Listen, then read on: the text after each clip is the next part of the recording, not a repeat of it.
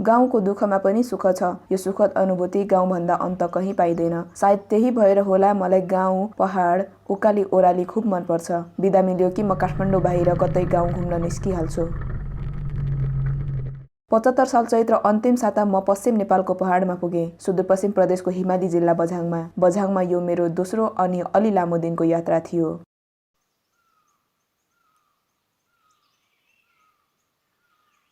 बझाङ पुग्न काठमाडौँबाट झन्डै दुई दिनको बस यात्रा गर्नुपर्छ। हवाई यात्रामा जाने भए सुदूरपश्चिम प्रदेशको राजधानी धनगढी हुँदै जानुपर्छ। काठमाडौँबाट धनगढी पुग्न लगभग एक घन्टा लाग्छ। धनगढीबाट अत्तरिया हुँदै एक दिनको बस यात्रा भने गर्नै पर्छ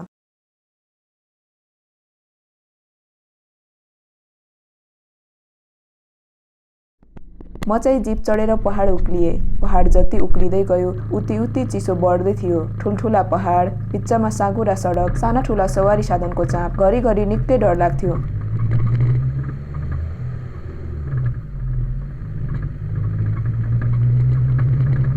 अत्तरियाबाट उक्लेपछि डोटी डडेलधुराका हरियाली जङ्गलले मनै लोभ्याउँथे। जीपको झ्यालबाट परसम्म हेर्दा देखिएका बैतडीका प्याटर्न झनै सुन्दर लाग्थे। त्यसमाथि गुनास फुल्ने सिजन भएकाले बाटैभरि डिलमाथि र मुनिका जङ्गल ढकमक्क थिए। लाग्थ्यो यी गुनासका फुलहरू मेरै स्वागतका लागि फुलेका हुन्।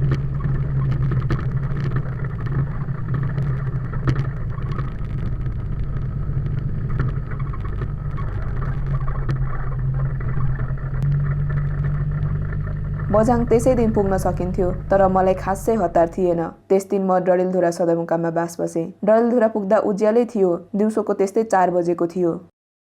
होटलमा चेक इन गरेर दुई साथीसित बडाकाजी अमरसिंह थापाको अमरगढी किल्ला घुम्न निस्किए। उक्त गढी नेपाल एकीकरणको क्रममा विक्रम सम्बत अठार सय सत्तालिस सालमा कर्णाली पश्चिमका भूभागमा शासन गर्न नियुक्त भएका प्रशासक अमरसिंह थापाको पालामा बनेको थियो।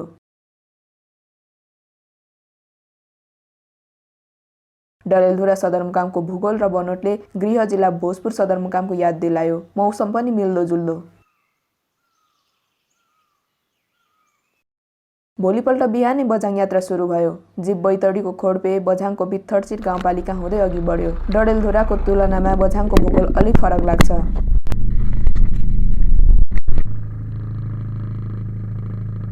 बझाङ सदरमुकाम चैनपुर पुग्न चारवटा गाउँपालिका पार गर्नुपर्छ। पित्थडचिर केदारसिउ दुर्गाथली र छब्बिस बेरा। त्यसपछि पुगिने जय पृथ्वी नगरपालिकामा पर्छ चैनपुर।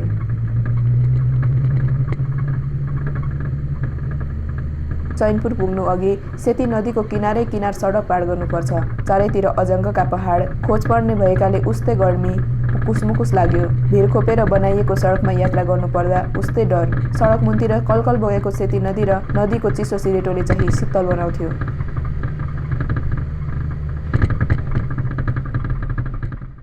चैनपुर पुग्ने बेला सिमखेत बस पार्क आउँछ त्यहाँबाट टापुको बस्ती देखिन्छ जुन चैनपुर हो सेती नदी र बाहुलीगाड खोलाले घेरेको चैनपुर मेरा लागि चाहिँ श्रीलङ्का टापु नै लाग्छ चैनपुर पुगेको भोलिपल्टदेखि बझाङ घुमफिर सुरु भयो। पहिलो दिन बझाङका पत्रकार आशिष सिंह र म थलारा गाउँपालिका गयौँ। थलाराको मालुमेला आमबगर हुँदै गयो। आमबगरबाट एक घन्टा जति तेर्सो बाटो हिँडेपछि उकालो बाटो आयो। ठाडै उकालो हिँड्नुपर्ने। दिउँसोको चर्केको घाम त्यसमाथि चैते घाम जति उक्लियो मेरा खुट्टा चाहिँ ओह्रालै सर्थे। झन्डै तिन घन्टा जति उकालो चढेर सिरेटा पुग्यौँ।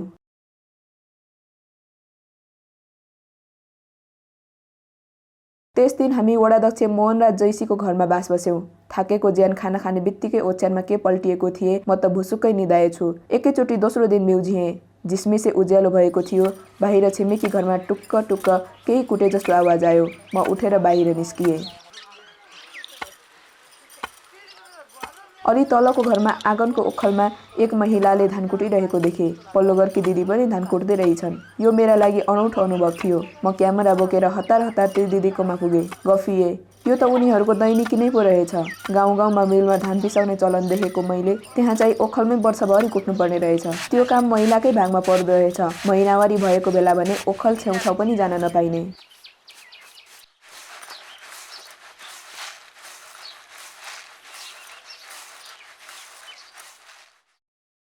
चिया खाजा खाएर हामी हलिया परिवारहरू भेट्न गयौँ। सरकारले हलिया मुक्तिका क्रममा गरेको परिभाषा अनुसार हलिया भनेका आफू आफ्नो परिवार वा पुर्खाले लिएको ऋण वा अरू कसैले जमानी बसेकामा त्यस्तो ऋणको ब्याज चुक्ता गर्न ऋणदाताको कृषि श्रमिकका रूपमा वर्षभरि वा अर्धवार्षिक रूपमा हलिया हली गोठालो बाउसे खेताला हलिया डोलिया र भुण अर्थात् कमारोका रूपमा काम गर्ने व्यक्ति हुन्।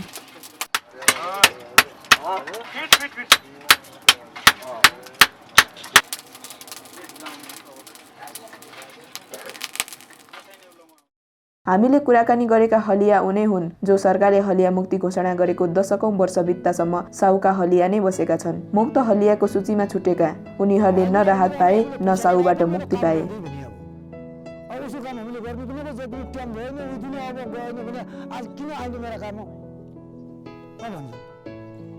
त्यो त्यो दिनुपर्छ कि त काम बुवा अब त्यो हलिया थिए अब त्यहाँबाट पैसा ल्याउने खाने अब त्यही गुजारा गर्ने।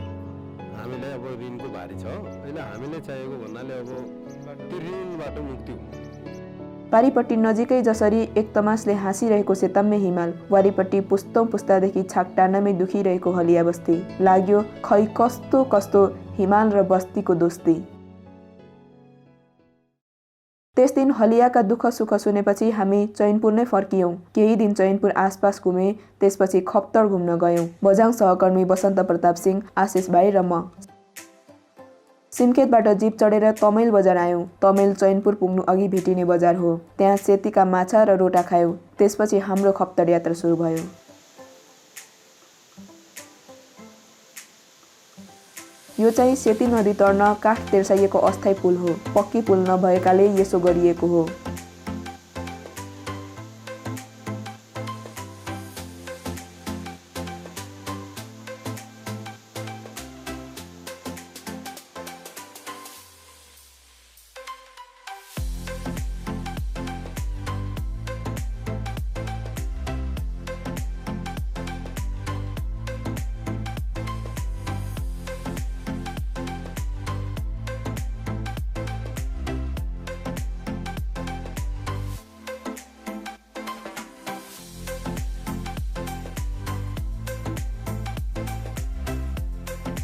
हामी करिब तिन घन्टाको जिप यात्रापछि खप्तर छन्ना गाउँपालिकाको दारू गाउँ पुग्यौँ।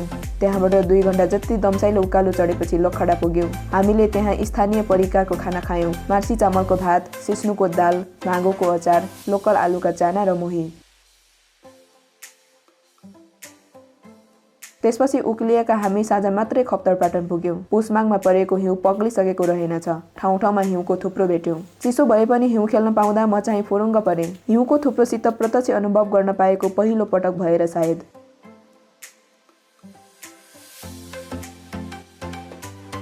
आर्मी बेस क्याम्प नेरको गेस्ट हाउसमा हाम्रो बास भयो। साँझ सिमसिम पानी परेकाले चिसो निकै बढेको थियो। चिसो सिरेटो उस्तै जसो तसो रात कट्यो। भोलिपल्ट बिहानै उठेर बाबा आश्रम गयौँ। त्यसपछि त्रिवेणी लाग्यौँ। नजिकै भनेर हिँडेका थियौँ तर बाटो भुलेर पाटनमै हरायौँ। पाटनै पाटनको खप्तर जता हेरे पनि उस्तै लाग्ने। बिहान आठ बजे हिँडेका हामी दिउँसो दुई बजेसम्म हरायौँ। चिया मात्रै खाएर निस्केका थियौँ हराएर भोक तिर्खाले लखतरान पर्यौँ मैले झोलामा गेस्ट हाउसमै छोडेको बिस्कुट धेरै मिस गरेँ। भोक मेटाउन खोल्सामा बगेको पानी अजुलीमा उठाएर पिएँ। मूलको पानी भएर हो या भोकले हो त्यो पानी पञ्चामृत बराबर मिठो लागेको थियो। हामी बल्ल तल्ल त्रिवेणी पुग्यौँ। त्रिवेणीमा तिनपल्ट पौडिए। यति आनन्द कहिल्यै अनुभव गरेकी थिइनँ धर्मकर्ममा खासै रुचि नराख्ने मलाई त्रिवेणी दर्शनपछि अचेल आफसे आफ धार्मिक स्थलप्रति श्रद्धा जाग्छ। हामी त्यहाँबाट गेस्ट हाउस फर्कदा दिउँसोको चार बजेको थियो। त्यस दिन हामीले अरू ठाउँ घुम्न भ्याएनौँ। भोलिपल्टै फर्किहाल्नु पर्ने भएकाले खप्तर यात्रा अपुरै रह्यो।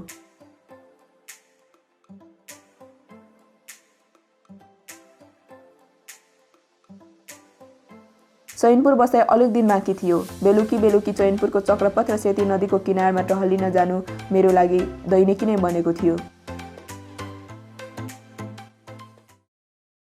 अलि माथि डाँडामा गएर चैनपुर निहाल्नुको मजा बेग्लै। खास गरी चैनपुरमा स्लेटले छाएका घरहरू हेर्न अनि चैनपुर टापु हेर्न। मन्त्रमुग्ध बनाउने टापु मलाई चाहिँ साँच्चीकै सुन्दर लाग्छ प्यारो लाग्छ।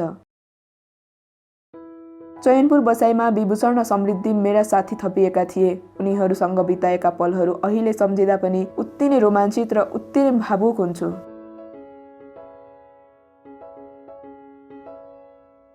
छ्यात्तर सालको नयाँ वर्षमा म उतै थिएँ अनि निकै रमाएको पनि थिएँ। म घुम्न र खानको अलि सौखिन छु ठकुरीहरूको बाहुल्य भएको बझाङमा लोकल कुखुराको तिते बनाएर साथीहरूलाई खुवाएको थिएँ। यो परिकार खास गरी पूर्वका किराँतीहरूको स्थानीय परिकार हो।